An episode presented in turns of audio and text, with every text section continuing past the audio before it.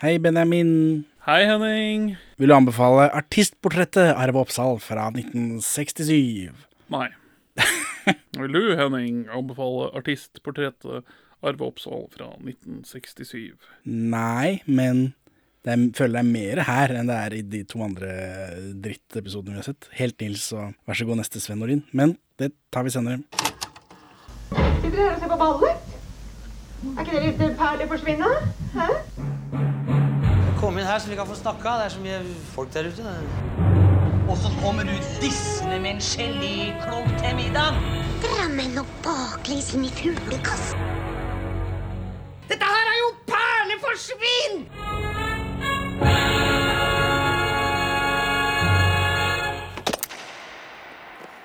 Velkommen til Perleforsvinn, podkasten for deg som ikke har nok oppmerksomhet til å se på revy. Vi er to middelmådige menn i 30-åra som ser norske filmperler, og noen ganger så ser vi også norsk TV. Og her er det jo revy, men her er det også litt TV, da, rundt dette. Mer enn i Helt Nils, spør du meg. Ja, det er en sterkere rammefortelling i denne enn i Helt Nils. Jeg vet ikke det. Sterkere Ja, det er jo sterkere, men jeg vet ikke om det, noe, det blir noe bedre av den grunn. Nei, ja, øh, ja jeg, jeg, jeg Nå er jeg blitt veldig anti-Arve Oppsal med tiden, da. Bør, bør mer og mer. Og denne snusen-figuren hans den Han kjenner gjør, du gjør ikke noe for Han meg. kjenner du godt. Gjør jeg det? Nei, hvorfor skulle du gjøre det? Hvis ikke du hørte på uh, radio i gamle dager, På 60-tallet. yes. Så uh, Arve Oppsal er blitt uh, borte, sier dere. Ja, vekk som en sviske. Man kan jo spørre seg, og det gjør vi jo, hvorfor ser vi dette? Ja, hvorfor ser vi dette? Ja, Det er som bakgrunn til Mot de beste, selvfølgelig, men det er også litt spennende å se hvem Arve Oppsal er for nordmenn før Olsemannen, syns jeg. For dette er jo eh, Det føles jo som Olsemannen er ganske overskyggende for det meste annet han har gjort. Og så er det Mot i brøstet og sånn senere, men jeg føler igjen at Egon står sterkere. Ja, Når, sånn, hvis man leser disse nekrologene hans, folk som skal uttale seg om han etter at han er død, så er det jo Egon. Og så ja, han var Henry også. Beskriv Henry som figur, Henning. Gammel, ligger på sofaen, gule tøfler. Hva- Hvordan er han ellers som person? Ikke peiling. Ikke sant? Det er den derre testen fra den derre første anmeldelsen av The Phantom Menace for å liksom avkle noe som dårlig. Du, hvem er Henry? Han er gammel. Det er hans karaktertrekk. Det stemmer. Dette er jo noen år etter Operasjon Løvsprett, da. Som jo kommer i 1962, som er episode 156 av denne podkasten.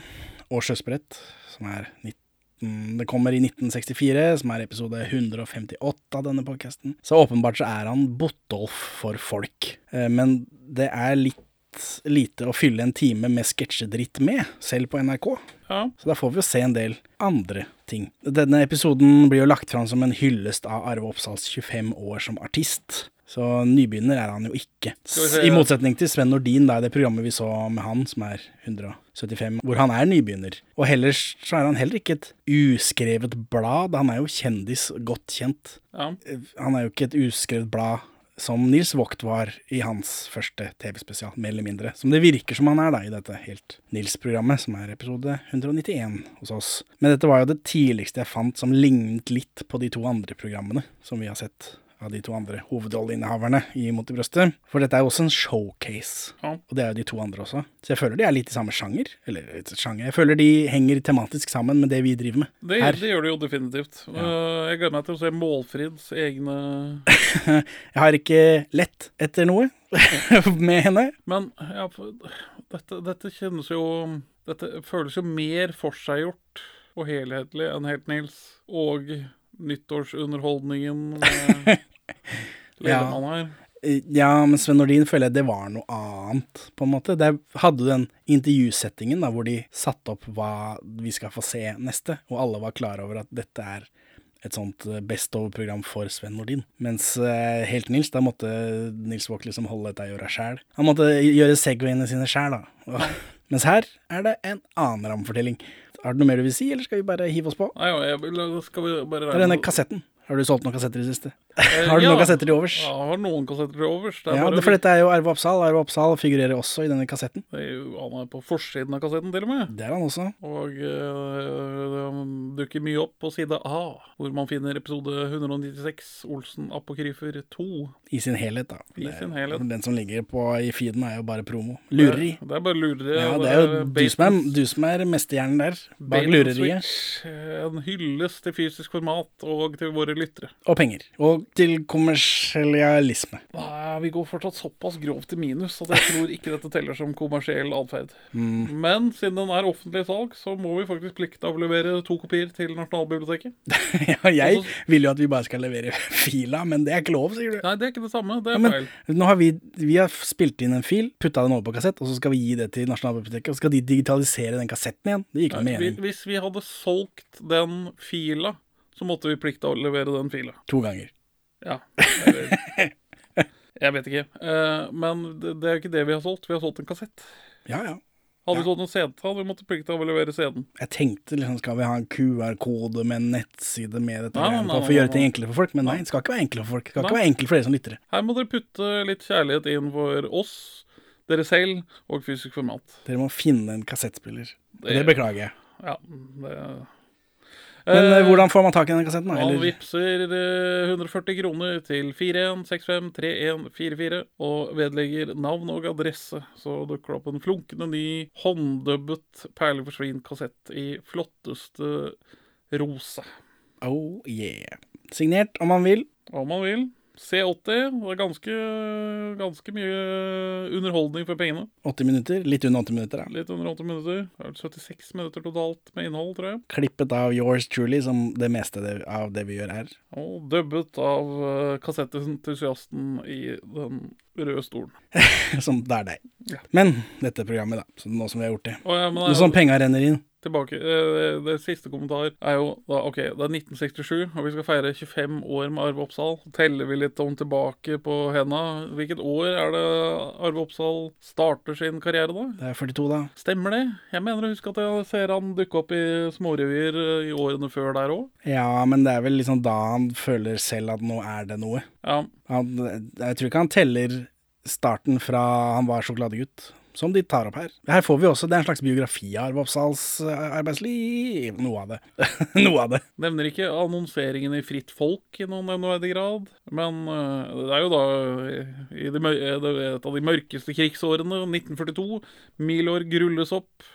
Arve Oppsal blomstrer. Arve Oppsal rulles ned, ut til folk.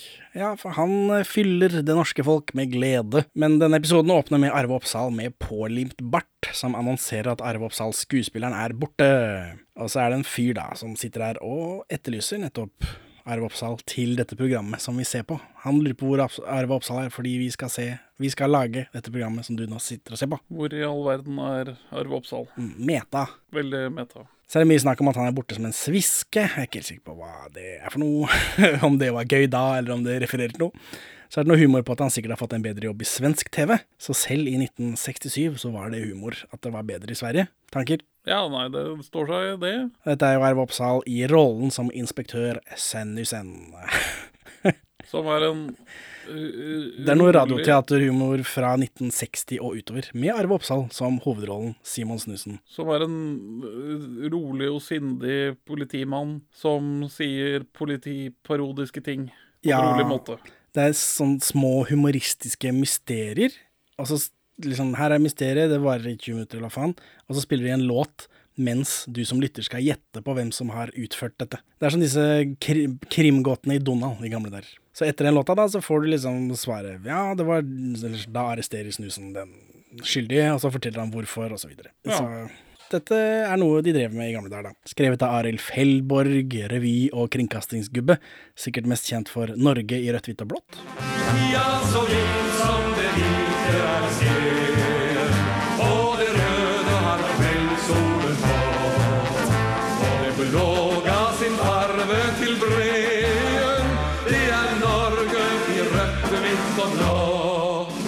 Men han skrev også på den TV-serien med Televimsen. Det er gøy for eh, meg og meg alene. ja, det tror jeg. Denne fyren som etterlyser Arve Oppsal, er Sverre Kristoffersen. En av mange NRK-menn som ikke er Erik Bye eller Rolf Kirkevåg. Så vi kjenner ikke han så godt. da. Han annonserte MGP tre ganger, og leste opp poengene for Norge hele 18 ganger mellom 64 og 95. Han dør i Colombo på Sri Lanka i 2007, og er begravet i Drøbak. Ja. Så ingen kommentar. Hvorfor dør han? På sine eldre dager så ble han engasjert i World View International Foundation, som er noen sånne redde verden-greier som er starta av en nordmann, da. Som ennå ikke har reddet verden. Uh, yes. Arne Fjørtoft heter han som har starta den. Så vidt jeg vet, ikke i slekt med disse fotballgutta, men gift med NRK Hallo-dame Ragnhild Seltud Fjørtoft. Ja. De får sikkert reddet verden snart, da. Denne, denne greiene. Selv om navnet deres står i rødt på Wikipedia og Twitter-kontoen deres slutter på et tall, så regner jeg med at de er såpass seriøse at de får redda verden når som helst. Men det er på grunn av det da, så befant han seg på Sri Lanka da han døde. Snusen, tilbake til programmet. Snusen leser Arves personalia og tar opp at han solgte konfekt på Skala og Chat Noir og sånt noe som er en del av bakgrunnen til Arve Oppsal. Så kommer det en sang hvor Arve Oppsal synger om at han er konfektgutt, da. han synger om godteri og sånt noe. Og her i publikum så dukker Gard Øyen opp som en fyr i salen som kjøper konfekt, så sant som at jeg ikke heter Gard Øyen. Han er ikke kreditert hos det, men bare det, han fyren i det største spillet. Ja. For det Ja. Det ariske ansiktet hans, det kjenner jeg igjen. Ja. Episode 30 av podkasten. Starten på Olsemann-prosjektet, tror jeg. ja, angående starteprosjekter og så videre. Sjokolade og konfekt hver kveld i samme dur. Det var ord som gjennom salen låt så kjekt. Livrett lille frøken Stang? Konfekt, konfekt, konfekt, konfekt. Minst i sjokoladen smeltet for det mang en gang. Så er vi tilbake hos snusen etter den sangen, da. Og så får vi se bilder av Arve Oppsal i barndommen, blandet med bilder av han i tidligere roller. Og så tar vi en pause på Eller vi får se mer på komikeren Theobald. Ja. Ja, som er en tidlig greie Arve Oppsal drev med. Og her sies det at aliaset Theobald ikke ble brukt for å skåne familien, men for at publikum ikke skulle få tak i han etterpå. Og når de sier det sånn, så høres det ut som det er for å skåne familien, da. Når de liksom legger det fram på den måten. Ja, Det høres vel mer ut som han er sånn sjokkkomiker som er redd for å bli tatt av dage. Ja, I et intervju i, i Rana Blad i 1966 så sier Arve Oppsal at navnet ble tatt for å ikke skjemme ut seg selv eller familien når han ikke visste hvordan det skulle gå med karrieren. Ja. Så hvis det skulle gå til helvete da med dette Theobald-dritten, så var det ingen som visste hvem han var allikevel. Hvis han ble, vet du faen jeg, smed på Smestad. Så sier Snusen at R. Oppsal var i førstegangstjenesten samtidig som han var Theobald, og det stemmer nok ikke. For det første så er Arve Oppsal født i 1921, så han er jo 18 da i 1939. Ja, så det er jo et dårlig år å være i militæret i, og Theobald samtidig. Ja. Eh, Kanskje han ikke har avtjent i det hele tatt? I samme intervju, da. Det andre. Ja, I samme intervju, dette intervjuet så kaller de Arve Oppsal konsekvent for Botolf, så da vet vi hvor han står i populærkulturen i 1966, i hvert fall. Ja. I- Ifølge det intervjuet så der sier han at det Theobald-greiene er et 1942-fenomen, så det er visst da han regner sin Det er jo da han regner starten på sin karriere, så han regner vel Theobald som starten på hans karriere. Ja. Og så tror jeg dessuten ikke at en sånn revyturné går overens med førstegangstjenesten, Nei. mens krigen bygger seg opp i Europa. Nei først, altså Han prøvde vel å melde seg som frontkjemper, er vel det han sier. Det kan selvfølgelig Men at uh... Men dette Theobald-greiene går landet rundt eh, i 1942, så de drar på turné i Ja, det har jeg sett. Og det annonseres i Fritt Folk. Ja, ja, ja. Og han er NS-godkjent. ja. Som Han er i tråd med byggingen av det nye Norge. Nyordningen. Men dette førstegangstjenestegreiene er nok mest setup til et par klipp fra Operasjon Løsbrett, som jeg minner om var Norges mest sette film fram til Flåklypa i 1975. Så det er jo Norges mest sette, film da, på dette tidspunktet. Eh, Så da får vi klipp fra Operasjon Løsbrett, bare uten farger og i dårlig oppløsning. Kjempefint. Si meg dette aliaset eh, komikeren Theobald, var det noe han brukte for å skåne familien? Nei, først og fremst for at publikum ikke skulle få tak i den etter forestillingen. Og samtidig så avtjente den sin verneplikt. Det må ha vært litt av en påkjenning. Å ja, for det militære. Og så er det jo den beste delen av filmen, for øvrig. Ja. Det er, dette, det, det, er det, det er her satiren treffer best. På forsvarsineffektivitet og Ja, og men Arve Oppsal retrospektiv, eller hva det er for noe, feiring. Og så nå altså skal de liksom De presenterer jo ikke som et klipp fra Operasjon Løsbrett. Ja, men alle vet jo det. Ja, ja, ja, ja, ja, ja. Men de starter på Rolf Just Nilsen. Det er en lang sekvens med han først. Det syns jeg var rart. Før Arve Oppsal kommer inn. Ja. Jo, for så vidt. Gi folket hva de vil ha, da. Alle Ja. liker Rolf også. Ja, men det samme poenget som vi hadde da vi så den filmen, da. Hvorfor er det Arve Oppsal som ble kjendis på dette, og ikke Rolf Just Nilsen eller uh, han uh, Fuck, Vi skal hente skjegget-fyren. Husker jeg ikke hva han heter engang. Eh, per Asplin. Ja, stemmer. Han dukker opp senere her òg. ja, men hvorfor var det akkurat Arve Oppsal som tok av så jæklig? Hvorfor er det bare den karakteren som sitter igjen hos folk fra de filmene? Oaf next door. Han er jo Ja, men det hjelper relaterbar på en sånn ikke. menneskelig Selv måte. her så skjønner de ikke hvorfor, og så starter de med Rolf Just Nilsen. Rolf Just Nilsen er en ekte showman, og ikke sånn eh, elskelig ræva, som så Arve Oppsal er. Kanskje. Men så etter det så er vi tilbake hos Snusen, og her kommer en referanse til Bakfjord. Fordi de lurer på om han er spion. Kan ha vært spion. I, i, fjor, nei, i hvert fall i Bakfjord eller noe sånt. Om han var fra Bakfjord. Dette kjenner du til, regner jeg med. Det ser jeg på ditt uh, noe forvirrede blikk. Bakfjord er en fjord i Måsøy kommune i Finnmark. Ja.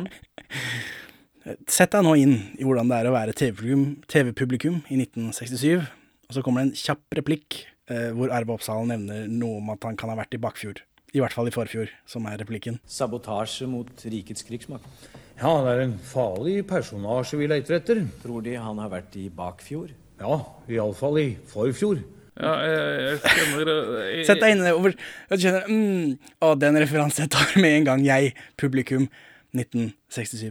Har det vært noen spionfryktsak der året før, eller noe? Det er en spion oppi der, eller har vært, da. Selmer Nilsen er fra Bakfjord, og i 1967 så ble han tatt for spionasje for Sovjetunionen etter å ha vært spion i 19 år. Og Den saken kjenner jeg til. Ja. Men jeg husker jo ikke stedets navn. Og... Nei, nei, nei, selvfølgelig gjør du ikke det. Men det, det var sikkert annerledes enn 1967. Men det er jo sånn du tar Den tar du jo snappy i tida. Ja, for dette er jo, det skjer jo i 1967. Dette har sikkert skjedd uka før. Eh, dette er en ekte spion, da.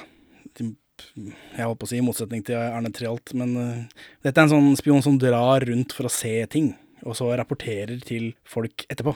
Dette er ikke en sånn levere papirer-spion. Eh, han eh, observerer ting som et amerikansk U-2-fly i Bodø. Ja, ja, ja, han bidrar jo veldig til en ganske klein situasjon i den kalde krigen der. Stemmer. Han eh, sjekker et tilfluktsrom i Tromsø som Sovjet mente det var atombomber i, men det fant han da ut at det ikke stemte, så det er kanskje han avverget noe, Det er hyggelig. og så videre og så videre. Eh, Når han blir tatt, så innrømmer han alt, men norsk politi tror ikke på han, så han må ta dem med rundt til alle stedene hvor han har vært og observert ting, og liksom Så Hvor han har vært og spionert. Han får syv og et halvt års fengsel og 75 000 kroner i bot. Filmen 'Brent av frost' er inspirert av han. Ja. Den hvor Gøril Mauseth har sex i en fiskebåt, og siden vinner over NRK i Høyesterett etter at scenen blir vist ute av kontekst av Anne Lindmo og Per Sundnes i Store Studio. I forbindelse med Kill Buljo, av alle ting. ja, da Det setter den ballen til å rulle. Det begynner iallfall med Selmer Nilsen. Så det er Bakfjord-referanse. Det er det det er. skjønner. Flaks, tenkte jeg når jeg bare googla Bakfjord, og så var det det første som kom opp. Bare, eh, Gir mening. Flaks at det ikke har skjedd noe annet i Bakfjord Ja, noensinne. fordelaktig med når én ting skjer i Finnmark, så kan du bare google stedsnavnet og finne info om det. Uansett, da, så teoriserer eh, Snusen at Arve Oppsal kan befinne seg på Victoria terrasse, som virker å være der de liksom er. Altså, han teoriserer at han kan være her hvor vi er nå, som de beskriver som Victoria terrasse. Eh, At han kan være forkledd som konstabel. Og så får vi en revyvise av Arve Oppsal som politimann. Og dette, Benjamin, dette er jo ekte revy. Dette er jo bitende satire på samfunnet vi lever i. Er det dette revy skal være? Jeg vet ikke. Hva, hva skal revy være? Jo, det skal være underholdende. Ja, for det er humoristisk snitt, da. Eh, Men det føles som de har gjort det humoristisk for at ikke myndighetene skal komme og liksom stenge revyen. Fordi det er såpass slem ja, samfunnskritikk, da. Det er liksom Det slutter vel med at det er en dame som eh, blir overfalt, nesten voldtatt, og så går hun til politiet, og så sier eh, politiet at ja, men du er jo ikke voldtatt, du, kan ikke, du har ikke noe å anmelde. Hva hadde du på deg? Hvordan var du kledd? Dette er jo, dette er jo walk. Kronikkalarm i subjekt. Eh, eller, eller Eller mener Arve Oppsal det som Nei. Nei, nei, nei. Hele dette greiene er iallfall for meg, da. Så Ja. du har jo også sett det, har du ikke det? Jo, jo, men det er mulig jeg soner ut, fordi revy er så jævlig kjedelig. Jo, men dette er- et, det gikk opp et lys for meg da når jeg så dette, som har, nå har vi pina oss gjennom en del revy, at er det dette revy egentlig skal være? Det er mye Det som ikke er sånn her. og en annen morsom samfunnskritisk revyvise som er litt morsom, eh, eller som gjør noe, men det er Ja, men dette syns jeg var beinhardt. altså, ja. Det, det traff, da, på liksom det samme greiene som eh, du og jeg klager over i dag på eh, Woke-Twitter, antar jeg. Ja. Det var i den revyvisa. wow! Hurra! Her er det noe. Plutselig kom ei dame inn og sa at en av sluska hadde overfalt deg like oppe Ullevål et sted. Han vrengte tak kåpa og fikk dratt deg borti buska og prøvde sømmen måtte gi opp det. Ja, det holder det, sa Gundersen, han klarte sømmen det. For det som fyren ikke gjorde, har ikke vi noe med. Hun gråt og ba om å få med seg en mann fra politi. Det syns han var noe ordentlig jåleri. Si meg, hvordan går de kledd, min lille donna, spurte han. Det er vel silkestas og gummistrikker? Nei, unnskyld, sa hun, jeg har på med Simen knydebånd. Solide ting fra Nydalens fabrikker. Og det holder de seg under Gundersen, de klarer dem med det. Da trenger ingen politimann med. Etter dette så er vi tilbake hos Snusen, da. Og der eh, ser de Arve Oppsal på en TV, så de rykker ut, altså Sverre Kristoffersen og Snusen rykker ut til kringkastingen etter noe politihumor. Og så får vi klipp fra Flåklypa TV, og dette er en stund før Flåklypa Grand Prix. Ikke at jeg har tenkt så nøye på det, da, men, men det viser Altså, Ivo Caprino er jo en sånn showman som han, De legger jo fram det de selv har gjort, som noe veldig stort og flott. Nå er det Norges mest sette film, men kan det være fordi det var en kjent franchise fra før? For det, det vi ser her, det vi ser med live action med våre øyne, er jo det samme stiluttrykket som Flåklypa dokkefilmen har. Det ble jeg overraska over. Men altså, Flåklypa dokkefilmen kom jo ut av Flåklypa TV. Ja, ja, ja. Det skulle jo være noe, det skulle jo være noen TV-episoder, og så ble ikke det noe av, og så videre. Ja. Men at det fantes på denne Jeg vet for ikke på radio og sånt, nå har jeg hørt om, men at dette var TV. At de har Nå er det andre veien, da. Men at de har tatt filmen og gjort det til TV på helt Det er jo helt likt som det filmen er. Igjen andre veien, da. Jeg skjønner at det begynner med TV-en her. Men at det var så kliss likt det vi har sett på film hver eneste jul, det var overraskende på meg. Ja, ja, men altså eh, Aukrusten har jo en veldig sterk stemme i det han lager. Ja, ja, men det skal jo også gjøres, da. Det må jo, for her er det sånn duppeditter rundt omkring, og sightgags i huet og ræva, og liksom hjemmelagde øreklokker og hva faen det er for noe. Alt er liksom Ja, det er det samme som filmen. Nå har vi jo sett de nye, eller vi har ikke sett de, da, du og jeg, men vi har jo inntrykk av de nye dokkefilmene, at det er, det er litt annerledes. Det er Ja, ikke akkurat det samme. Det er ikke den eh, Det er ikke like kantete, de er mye rundere, de nye. Mens, mens dette her syns jeg var kliss likt, faktisk. Fotgjenger Gudleik Knotten ble født med midtskill i tolvte vers av Domtegubben går i ring under Skøyens busselskaps julefest i Bærum i 1919, hvor etter erklært aktiv farveblind. Søndagsmagasinet var TV-underholdning på søndager, tro det eller ei. Det er ledet av Odd Gryte, og det ser ikke ut til å ligge i avspilleren, men det virker som et slags typisk sånn helgemagasin, med gjester og underholdning og sånt noe. Harald Heidesteen jr. er bidragsyter, ser jeg. Televimsen stikker innom. Og så er det innslag av Flåklypa TV, som er det vi får bare klippet ut her, da. Og her ser vi Arve som lydmann i Flåklypa TV, og Aud Schønemann som hallo-dame, eller noe sånt. Hun ser striglete ut, i hvert fall, og det hele ligner jo veldig på filmen om Flåklypa i utseendet. Duppeditter og finelser og skrot overalt. Så er det fotgjenger Gudleik Skrotten der. Han dukker opp, jeg tror han har spilt av Dan Fosse, vi kjenner han som vaktmann med hund i ymse Olsmann-filmer. Ja. Men for eh, våre lyttere over 80, så var han stemmen til Bodø i Stumpa-hørespillene. Ja. Så er det mye sånn Kjell Aukrust-monolog og sånt, noe som kan bli litt mye for meg, da. Så aner jeg ikke hvilken karakter Arve Oppsal skal være. Ikke peiling. Lydmann er et annet slag. Ja. Etter dette så er det Snusen og Sverre de kjører til Marienlyst med eh, Rare Projection, som er en veldig effektiv måte å komme seg rundt på når man spiller, spiller inn TV. og, og de har en sketsj i resepsjonen der, og det er ikke så ofte resepsjon blir brukt i NRK? Altså på denne måten. De har det jo alltid, det er jo rart at ingen flere gjør noe mer der. De får vite at Arve Oppsal befinner seg i Fjernsynsteatret, og så får vi plutselig en scene fra Frans Kafkas Prosessen. Whiplash, har jeg skrevet. Espen Skjønberg er der, Pål Løkkeberg på, på regi. Eh, ja, det er bare en scene fra prosessen hvor Arve Oppsal spiller han derre maleren. Som, som, ja, ja, jeg har ikke noe greie på prosessen, jeg, men det er noe maler, i maling og noe greier. Uh, Han er en innsiktsfull, men humoristisk karakter. Etterpå så kjører Snusen og Sverre med Rare Projection igjen uh, over radioen. Det er noe radiohumor, da. På over, under og under, over og alt det greiene der. Klassisk. Klassisk. Over, under, under, over, under, over. Ja, nei, si ferdig det du skal si, da. Nei, ja, den er over. Ja, nei, men hva med ja. Samme, samme som jeg har sett tusen ganger før. Så hører de på radioen da at uh, Arve Oppsal er et eller annet sted, og han skal holde foredrag om Kinsey-rapporten. Det blir et veldig kort foredrag. Det er veldig kort innslag. Ja. Dette er det turte de ikke å vise så mye, kanskje, for dette Kinsey-rapporten er handler om puling og sånn. ja. Kom litt bardust på meg. Ja, det, var ikke, det er ikke så saucy, men klart hvor saucy kan det være da, i 1967? Det er vel et og annet saucy utsagn inni der. Ja, tja.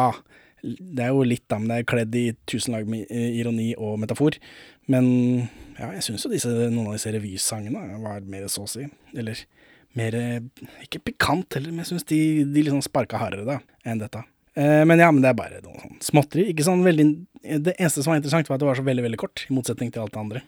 En må ikke glemme at morsmelk er meget bedre enn komelk. Først og fremst så kan man ta den med seg overalt. Den kan holde seg natten over.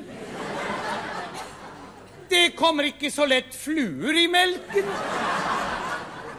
Og sist, men ikke minst, så er den vakkert emballert. Takk for oppmerksomheten. Snusen kommer til stedet hvor foredraget finner sted, men assistenten hans, som sitter i en pappbil, som jeg tror skal være en ekte bil in universe. Ja. Han har ikke tid til å arrestere Oppsal, eh, for han må ta en som har feilparkert. Altså etter mye om og men, så så viser det seg at det er Snusen som har feilparkert. Så det er mer humor på norsk politi, da. At de gjør som de vil. Og for han, når han blir tatt for å feilparkere, så skyver han jo bare han bort, ikke sant. Sparker Klart. oppover.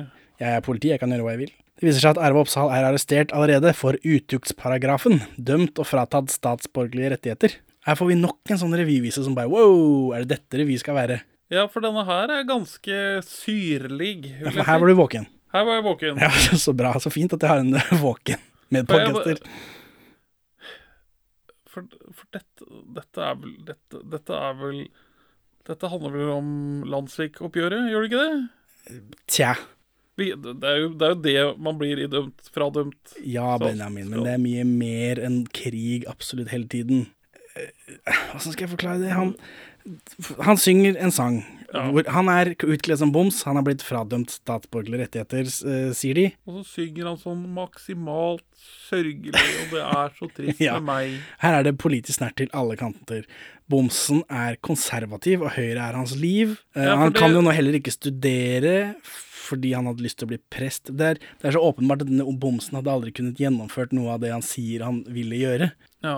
Ja, for han er kasta ut av kirka, så han kan ikke bli prest. Han har tenkt å gifte seg, og fire måneder etterpå skal han døpe sønnen. Humor. Det, men det, dette, dette er humor eh, Ja. som er virkelig for de aller fleste.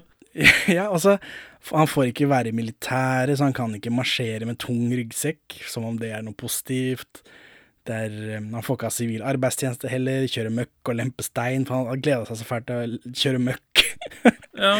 Det er eh, ja, nå skal han, han skal ta livet av seg i Akerselva fordi han ikke får betale skatt.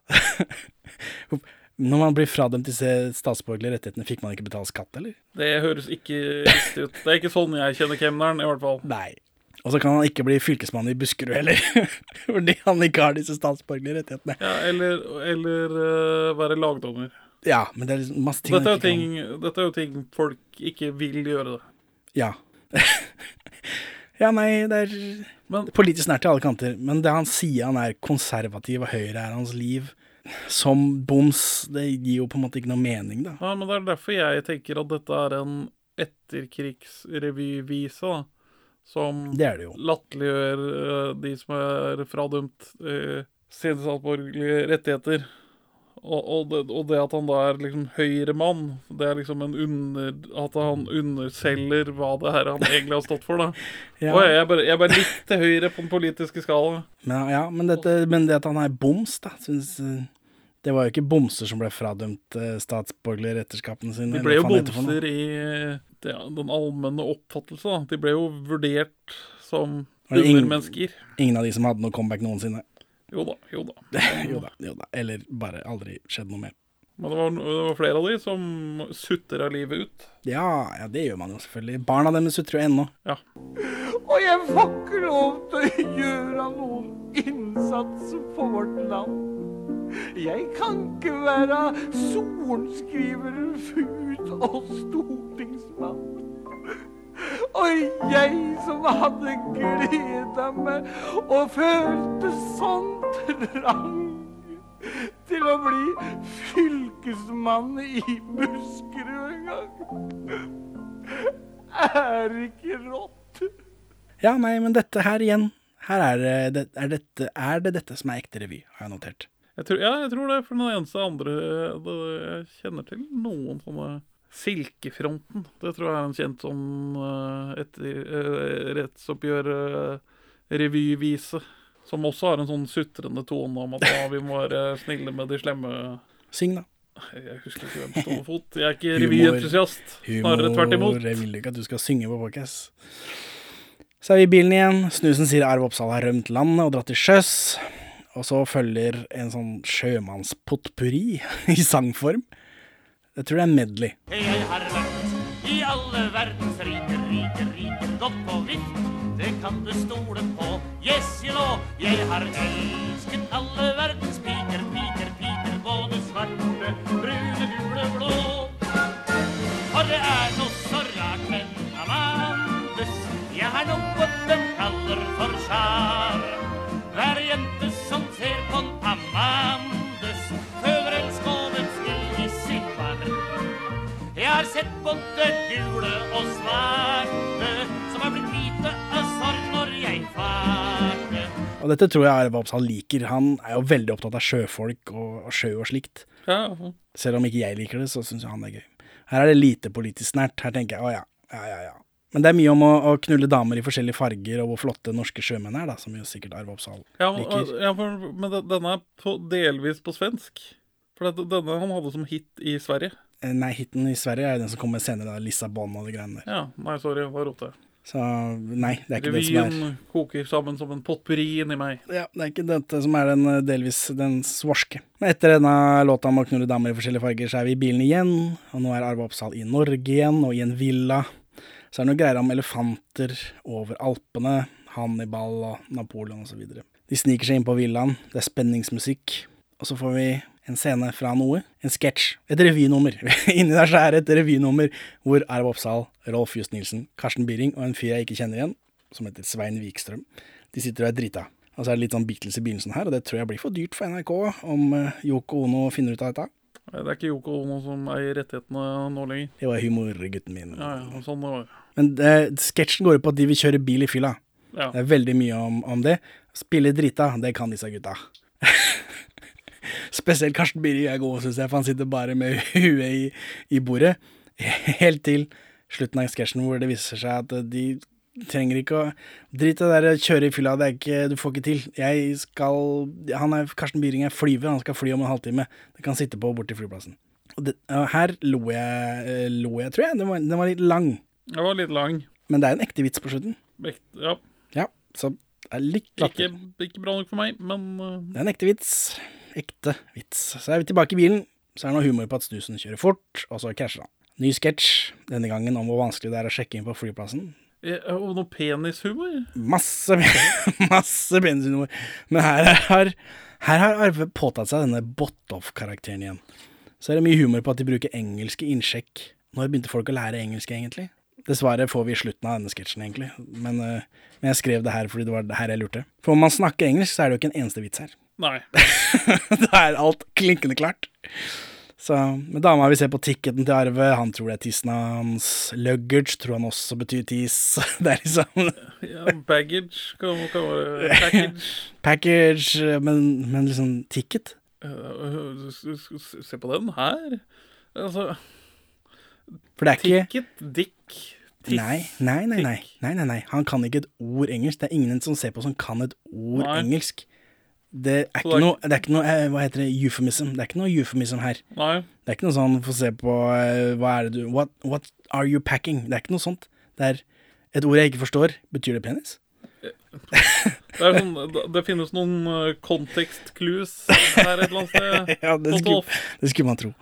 Men uh, Altså, stor penis, liten penis, humor. ja, er, alt er bare Hvis du kan engelsk, så er det ikke en eneste vits her. Så eh, dette har gått ut av tiden. Jeg vet ikke om denne fungerer lenger. Ja. Alludere til penisstørrelsen til Arve Oppsal på, i beste sendetid i 1967. Ja, når alle vet at Ove Språgøs penis er mye større. Få se på ticketkarten deres, da. Hva var det de ville se, se sa de? Ticketkarten deres. De skjønner jeg må vite om det er domestic eller abroad, så de kan få boarding pass, flight number og baggage identification tag. Eh, Botolf skal til Mallorca, da. Nå begynte folk å fly til Mallorca, tenkte jeg. Det er på 60-tallet. Den første norske charterturen eh, til Mallorca går i 1959. Så ja, på 60-tallet, da, hvor det liksom tar av. 60-tallet varer fra 1958 til 1969, tror jeg. Det kan hende. Sketsjen avsluttes med at Arve Oppsal sier at man må visst ha med seg både Walter og Conny når man skal ut og fly. Da lo du, regner jeg med. En klassisk vits. Nei. Walter og Conny er et program laget av BBC for å lære folk engelsk. Det ligger noen episoder ute, og det er bare Walter og Conny som går rundt og forteller hva ting er, gjerne med gjentagelse. This is a door. Yes, this is a door. Window, sier Walter. Og så kommer Conny bort. Window. og så er det liksom og så, eh, og så er det litt sånn britisk slapstick oppi det, at han snubler litt og sånt nå. Og så på slutten så er det gjentagelse igjen, og oversettelse, da. I dagens episode hørte vi window, vindu, window. Det er liksom Det er det greiene der. Både bøker og grammofonplater var å få i tillegg, så hvis du var veldig interessert i å lære engelsk, så hadde du muligheten, da. Eh, dette fra 1964 i, eh, på NRK. Mens det eksisterte jo før det, da. Det er franskmenn. Den eneste, eneste Wikipedia-siden til eh, Walter og Connie er på fransk. Ja. Skjønner. Snusen og Sverre ankommer Fornebu, og her er det samme resepsjonsdame som i denne sketsjen, så det kan hende dette er filmet for episoden. Det virker som det meste er filmet for episoden. Nei, disse revyvisene og all den dritten der sånn. Tror, Jo, altså det, det, Mm, ja, man, kanskje, man filmer kanskje. ikke vanligvis revy. Nei, nei, enig. Enig. tror- Men det er mye å dra inn Karsten Byring og Rolf Just Nilsen bare for den ene sketsjen. De var kanskje der allerede. Om Karsten, eh, Karsten Byring er drita puben, eller om han er drita på Å få betalt, det sa hva faen. Ja, kanskje. Det er kanskje bedre å være drita og få betalt, faktisk. Det tror jeg jo. Så det kan hende, kan hende du har rett. Jeg så jo på dette med moderne øyne, det var feil. Arve Oppsal er på Mallorca alt, sies det. Her får vi feriebilder av Arve Oppsal som bader, drikker, padler, ser på damer, drar på tyrefekting. Det er greit å bruke lisenspengene på noe. Ja, ja. Her, her har de sendt Arve Oppsal til Spania. Helt uten grunn. Han han får rota seg ut i denne tyrefektingsringen, da. Det er humor. Donald Duck-humor, da. Men denne kryssklippingen og shaky-cammen kan jeg se for meg overbeviste folk i 1967. Og det vil jeg tro. Det var et sterkt virkemiddel. Ja, og så er liksom alt har den samme eh, grå fargen og kornete, da. Uansett om de filmer denne oksen som angriper, eller Arve Oppsal som later som han blir tatt. Punchen er eh, Arve i voiceover som sier 'Også jeg som er så glad i oksesteik'. Ba, ba, ba, ba. Også jeg som er så glad i oksesteik. Hva syns du om tyrefekting generelt? Er det noe Arve Oppsal bør bedrive? Eh, nei. Nei. Nei, men altså Som, som, som tradisjon kan det vel forsvares, da, men uh, den kommersialiseringen som turistfelle, uh, det syns jeg blir problematisk igjen. da. Altså, om, om, om dyr har lidd på den måten i alle år, i, i organiserte former, i ikke altfor stort antall, så er det greit. Men liksom, når det bare blir for moro skyld, da får jeg da, Jeg vet ikke hvor grensa går der. det er jo ikke Lidelse er en del av verden. Hvor, hvor, hvor skal den stoppe? Hvor skal den begynne? Skal Men du kan jo all- velge om du vil påføre dette dyret lidelse eller ikke. Jeg hadde nok ikke øh, valgt å gjøre tyrefekting. Jeg har vært på tyrefekting med damen min. Du har det? Ja, Er det etisk riktig av meg å dra I på Mexico tyrefekting? eller i Spania? Mexico. Det er mindre etisk å gjøre det i Mexico, tror jeg. Hvorfor det? Fordi det er jo den spanske kulturen. Altså som et resultat av dette imperialismen, da, så er jo dette en del av De regner det som sin kultur. Det er jo det samme kjøret der, da, med at uh, kanskje vi skal slutte med dette, denne piningen av dyr for publikum. Kanskje vi skulle slutte med det. Og så sier de bare nei, nei, det er vår kultur, og så stemmer de Frp etterpå. Så det er det samme løpet. Ja. Nei, jeg vet ikke. Det, det er ikke bra. Tenkte på det som sånn Hemingway-greie. Ut og oppleve livet. Og det kan jeg ikke anbefale. Det var triste greier. Ja, det var det. Det var Ja, å stå der og se en okse bli pint til døde. Eh, ja, én, det er jo flere. Mange. Ja. For det går jo ganske radig. Men eh, ja, for det er jo som oksen Ferdinand, da, som går på, rundt juletider. Der det kommer noen eh, folk med hest og spyd, og så stikker de den litt, og så kommer det noen folk med noen sånn småpinner som de kjører inn i. Og så når de er ferdig med det, når de har plaga den sånn er ordentlig sliten, da kommer matadoren, krossa meg, og så liksom ordner dette, da. Eh, og stort sett så er det trist, fordi dette Nå var jo dette noe sånn Det var jo en relativt stor arena, men det er smått, da. Altså Mexico Jeg var i Mexico City, der Verdens er det? minste by. Nei, er det- er det 11 millioner eller sånt nå innafor liksom bygrensa? Men det, så det noe, var noe sånn lokalt, da. Det var ikke eh, Det var langt fra fullt. Og, så, og eh, det er heller ingen som ville sitte i sola. så Ah. man flytter seg litt rundt med skyggen. Men ja, eh, det, var én okse som liksom var interessert, da. Ville ta den jævla pikken. Som, som drev og plaga han, mens alle de andre var bare 'Hvorfor gjør du dette mot meg?' Og det var litt sånn trist. Ja, er Så jeg egentlig gadd ikke å se hele. Jeg bare 'Nå, jeg tenker dette holder, jeg'. hvis jeg, hvis jeg hadde sett på tyrefekting, så hadde jeg jo heia på oksen. Ja, i- Håpet hadde jo vært at oksen skulle beseire mennesket. Er det ikke det man gjør? Ja. Er det ikke derfor man er der? Men, Eller er det bare for å se den oksen bli pina? Tror, for, for vanlige folk så tror jeg det. Kanskje de som For, for de som har denne vet, I den kulturen så må det nesten være det. Hvis man skal, kan kalle det kultur, liksom. Man kan, for da hadde Hvis, hvis ikke tyrefekterkulturen hadde vært heie på matadoren, så hadde de jo hatt mye flere døde matadorer. Skulle jeg tro. Men i hvert fall, det var min tyrefektinghistorie. Kan ikke anbefale. Nei, det, det er godt. Tilbake til programmet. For gud forby at det skulle vært over allerede nå. Ja, det er mange sketsjer. Snusen og Sverre kjører moped til Sverige. Og her er det noe sånn snu de kjører, I Sverige så kjører de på feil side og sånn. Ja, men, og, men altså Dette er jo samme året som de bytter. Ja, og så det er så treigt at de kommer til å bytte før vi kommer til grensa. Ja, fordi mopeden går så sakte. Um, vi har jo hørt før at Arve Oppsal er kjendis i Sverige. Av denne ene sketsjen. Dette dukker opp hver gang Arve Oppsal dukker opp, eh, nesten. Kommer opp eh, i forbindelse med noe som han eh, apokryfer eller noe sånt, tror jeg. Og nå får vi se den sketsjen på svorsk. Ja, Det kan hende dette er den ekte sketsjen som har gått på, på svensk TV. Ja, det tror jeg. Og så etter dette så er det noe synging, eller ja, midt i dette, for han kommer tilbake etterpå, er det noe synging fra Arne Bendiksen, Sølvi Wang, Oddvar Sanne og Per Asplin, også kjent som The Monkees, selvfølgelig. For dette sketsjen er vel en del av en sånn Chat Noir-revy som turnerte da nett rundt omkring, også til Sverige. Og når man googler litt rundt, så finner man faktisk en og annen sånn svensk nostalgiblogg som snakker om nettopp Arve Oppsal, så kanskje dette var noe på ordentlig. Men det virker som det bare er denne ene sketsjen folk husker. Ja, Hadde han ikke klart å gjøre det til en karriere i Stockholm? Det er rart at de husker den ene sketsjen, da. Men uh, Det gikk vel som en farsott, da. tydeligvis. Det er blitt et slags meme. Ja. Det var jo, det var jo monopol der også. Kanskje det har noe med det å gjøre. Jag ska säga dig en sak att flickorna här i Lissabon, de har inte mer att komma med än flickorna hemma i Oslo har. Nej, jag vet det, sa jag, men det de har, det har de ju här i Lissabon, sa jag.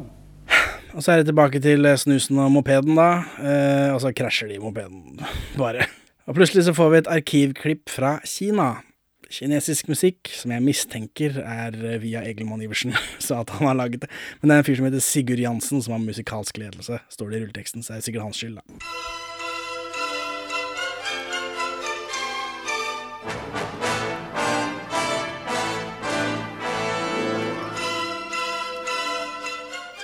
Og nå drar snusen og Sverre rundt i rickshaw.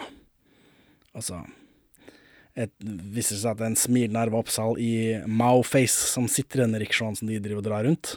Ja. Ja, og så følger en monolog som du og jeg har sett før på YouTube, og undret oss over. Ja. Ja, for det er Arve Oppsal i Yellowface som snakker om at det er veldig mange kinesere, tror jeg, og at de er ydmyke, eller påtatt ydmyke.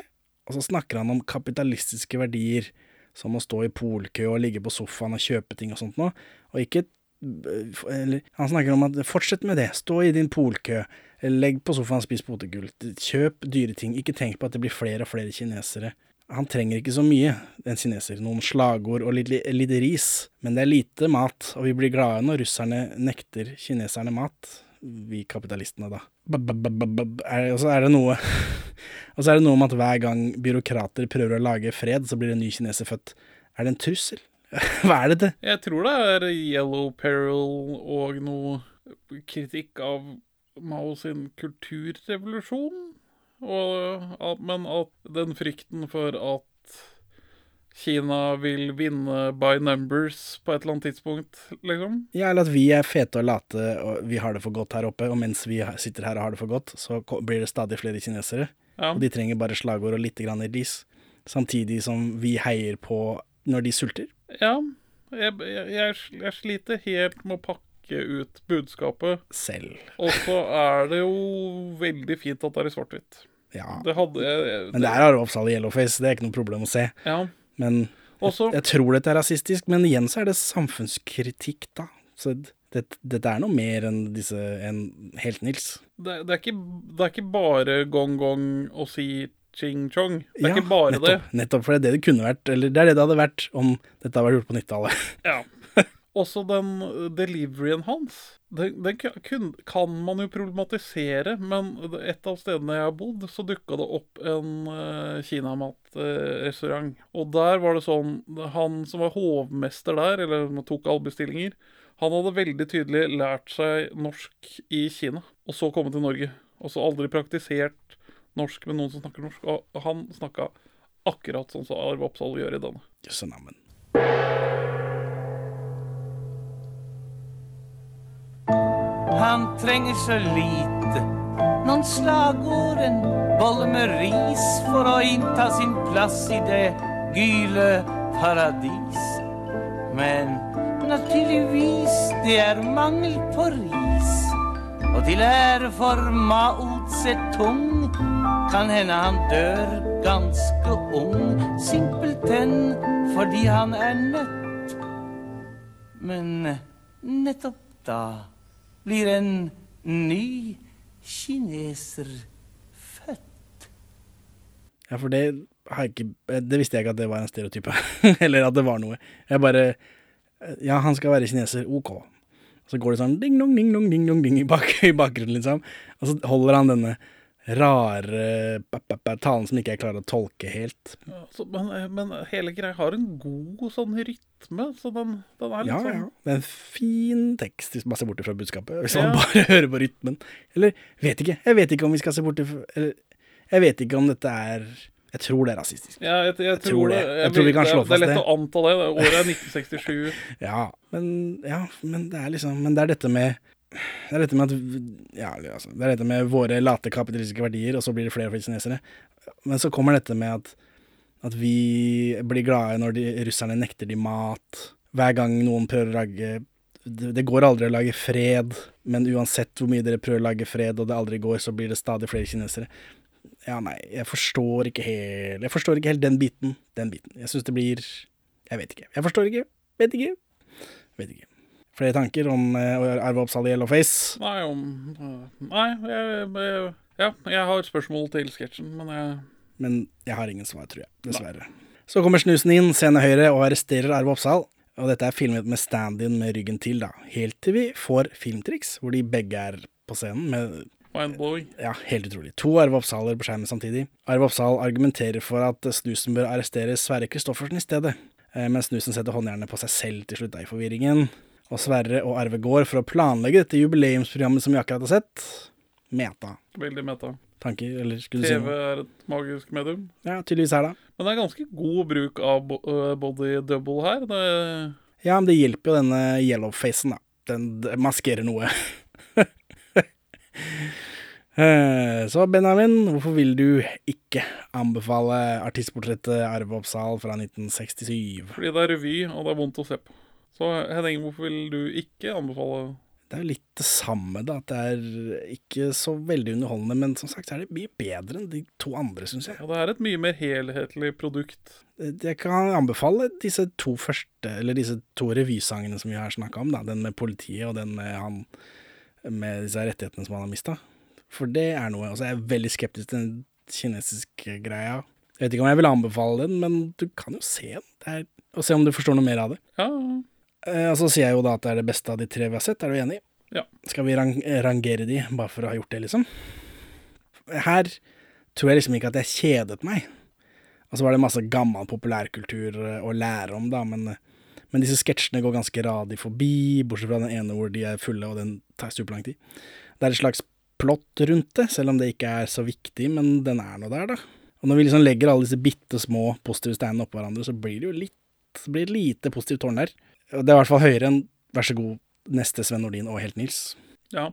Vær så god, neste Sven Nordin er jo Nordin som vil vise hva han kan, hvilken range han har, liksom. Så den inneholder masse pretensiøs dritt. Ja. Og artistportrettet, Arve Oppsal er jo en sånn best of Arve Oppsal. Han spiller, det er Arve Oppsal spiller The Hits, og selv om jeg aldri ler, så er det jo en Så er det en grunn til at dette er The Hits, og ikke The Misses, på en måte. Dette er fokustesta før, liksom. Og så er det 60 år siden, da, så noe av det er liksom blitt borte, men allikevel. Helt Nils er for så vidt Nils Vogt spiller The Hits, men alt han tror er sine hits, er bare ræva revynumre. Ja. så, så Helt Nils var en lidelse. Ja. Mens jeg følte, jeg følte nesten at artistportrettet av Arve Oppsal, det var liksom, det var noe et par ganger. Og så gikk det ganske fort forbi. Og så brukte jeg mye tid borte fra programmet, da, for jeg måtte google Walter og Conny og alt det greiene der. Så jeg ranker de. Artistportrettet Arve Oppsal, vær så god neste Sven Nordin, og Helt Nils langt, langt ned på bånn. Hva med deg? Helt enig. Altså, øh, Vær så god, Sven Nordin har jo noen veldig rare nummer som trekker veldig opp. Eller i hvert fall er noe. Jeg blir pirret. Hvem av de tenker du at han leser dikt på svensk? Ja, altså, hele den første verdenskrig-greia er så pretensiøs at det blir De synger julesanger i skyttergraver. Ja, det blir så cringe at det blir Don Corsot med Johannes Joner. Ja, den er en banger. du syns det? Ja. Ja. Det? det han synger vel en sang om å, ikke ville gå hjem fra bar også, med Nissa Nyberget på piano. Nei, ikke. Ja, det, Men hvem av disse er det du likte, da? Ja, det er uh, Don Quijote Don og Don Quixote. Forferdelig første verdenskrigs onani fra Sven ja. Helt Nils, det er det bare den med eh, damene som har store føtter, som jeg syns var var noe gøy. Jo, så er det en sånn, han har en lang monolog om å være snobbete. Som, Ja. der, var det, der var det samfunnskritikk. Der var det, dette er det vi skal være. Jeg tror kanskje den var litt lang. Ja, Uh, og så er det rart med han som Snoopy, da. Ja, ja. altså, det var mye rart der. Ja ja. Ha det bra da, Benjamin. Farvel, Henning. Takk for at du hører på Perler for svin. Vi er mest aktive på Twitter, perler understrek for understrek svin, men vi er å få tak i på Facebook også, perler for svin pod i ett ord. Vi svarer på Messenger selv om siden ser død ut. Vi har egen hjemmeside, perleforsvin.no. Her finner du også episode 1 til 27, og vi er tilgjengelig på mail på perleforsvinpod at gmail.com. Gi oss en rating i din podcast-avspiller, og legg igjen en eh, anmeldelse, så folk skjønner hva for noe tull vi egentlig driver med. Og for øvrig, legg ned kongehuset. Her er ukas Pål Bang-Hansen-sitat ute av kontekst. Siden vi skildrer kjærlighet, Overfall om natta er blitt reine landeplagen. Jeg gikk opp til justisministeren vår og spurte han om ikke fire nattkonstabler var i minste laget i en storby uten hus og lys og vann. Det holder det, seg Gundersen, det klarer seg med det. Noen overfall om natta må en jo alltids regne med. Vi peller opp en to-tre lik hver morgen, det er alt. Det pleier vi å kalle som normalt. Ja, da var svogeren min på Grønlandsleire heldig vi. Han slapp da med et knust og knekka knebein. Da han våkna var han lagt inn på Mandalsgatas høvleri, og resultatet er at nå har han tre bein. Ja, da holder det, sa Gundersen, han klarer seg med det. Hvis beina hans er gjort av bjerkeved. En trikkekonduktør kom inn og sa at han var slått ned av tremaskerte tjuver, men han skreik så gata kakk. De måtte slippe veska, og de hadde bare fått med seg 23 kroner da de stakk. Det holder det, sa Gundersen, de klarer seg med det. Det er akkurat en flaske brandy dividert på tre. Man skrek jeg vil ha gasspistol, men da sa Gundersen Huff, nei, du kunne skade noen med den. Hva skade noen, skrek konduktøren og hoppa enda opp. Skal svina fritt få drive den geskjeften. Mens en ærlig mann skal hinke rundt med gjennombarka kropp. Se her, jeg har ei tann igjen i kjeften. Ja, den holder den, sa Gundersen, og neste gang, min venn, så kan du bite fra deg litt med den. Plutselig kom ei dame inn og sa at en av sluska hadde overfalt deg like oppe Ullevål et sted. Han vrengte tak kåpa og fikk dratt deg borti buska og prøvde sømmen måtte gi opp det. Ja, det holder det, sa Gundersen, han klarte seg med det. For det som fyren ikke gjorde, har ikke vi noe med. Hun gråt og ba han å få med seg en mann fra politi. Det syns han var noe ordentlig jåleri. Si meg, hvordan går de kledd, min lille donna, spurte han. Det er vel silkestas og gummistrikker? Nei, unnskyld, sa hun, jeg har på med Simen knydebånd. Solide ting fra Nydalens fabrikker. Ja, det holder det, sa Gundersen, de klarer dem med det. Da trenger ingen politimann med. Mikrofonen er den skal være. Hæ? Mikrofonen er der den skal være. Mm. Nei, det er den ikke. Hvorfor lyver du meg rett opp i ansiktet? Fordi det var mest der og da. ja. Sånn er det. Nå skal Walter og Connie gjenta noen av setningene vi har hørt. Alle begynner på samme måte med 'this is'. This is a door. Dette er en dør. This is a window. Dette er et vindu. This is a table. Dette er et bord. This is a chair. Dette er en stol. Ordet 'this', dette, brukes om noe som er like i nærheten. Is, er, er et verb, en presensform av to be, å være.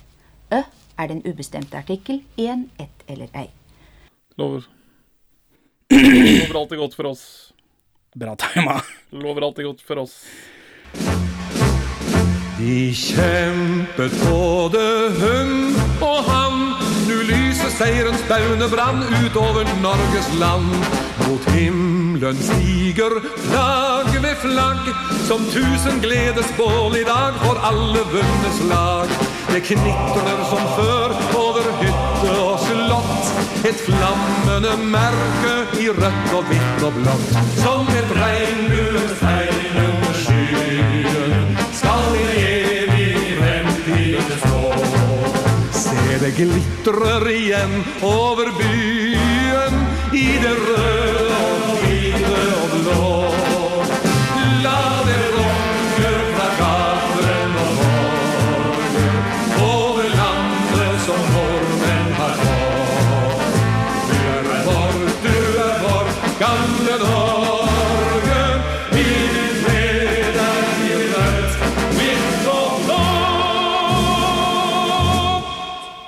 Theobald er i tråd med byggingen av det nye Norge. Det er slik humor Det tredje riket trenger.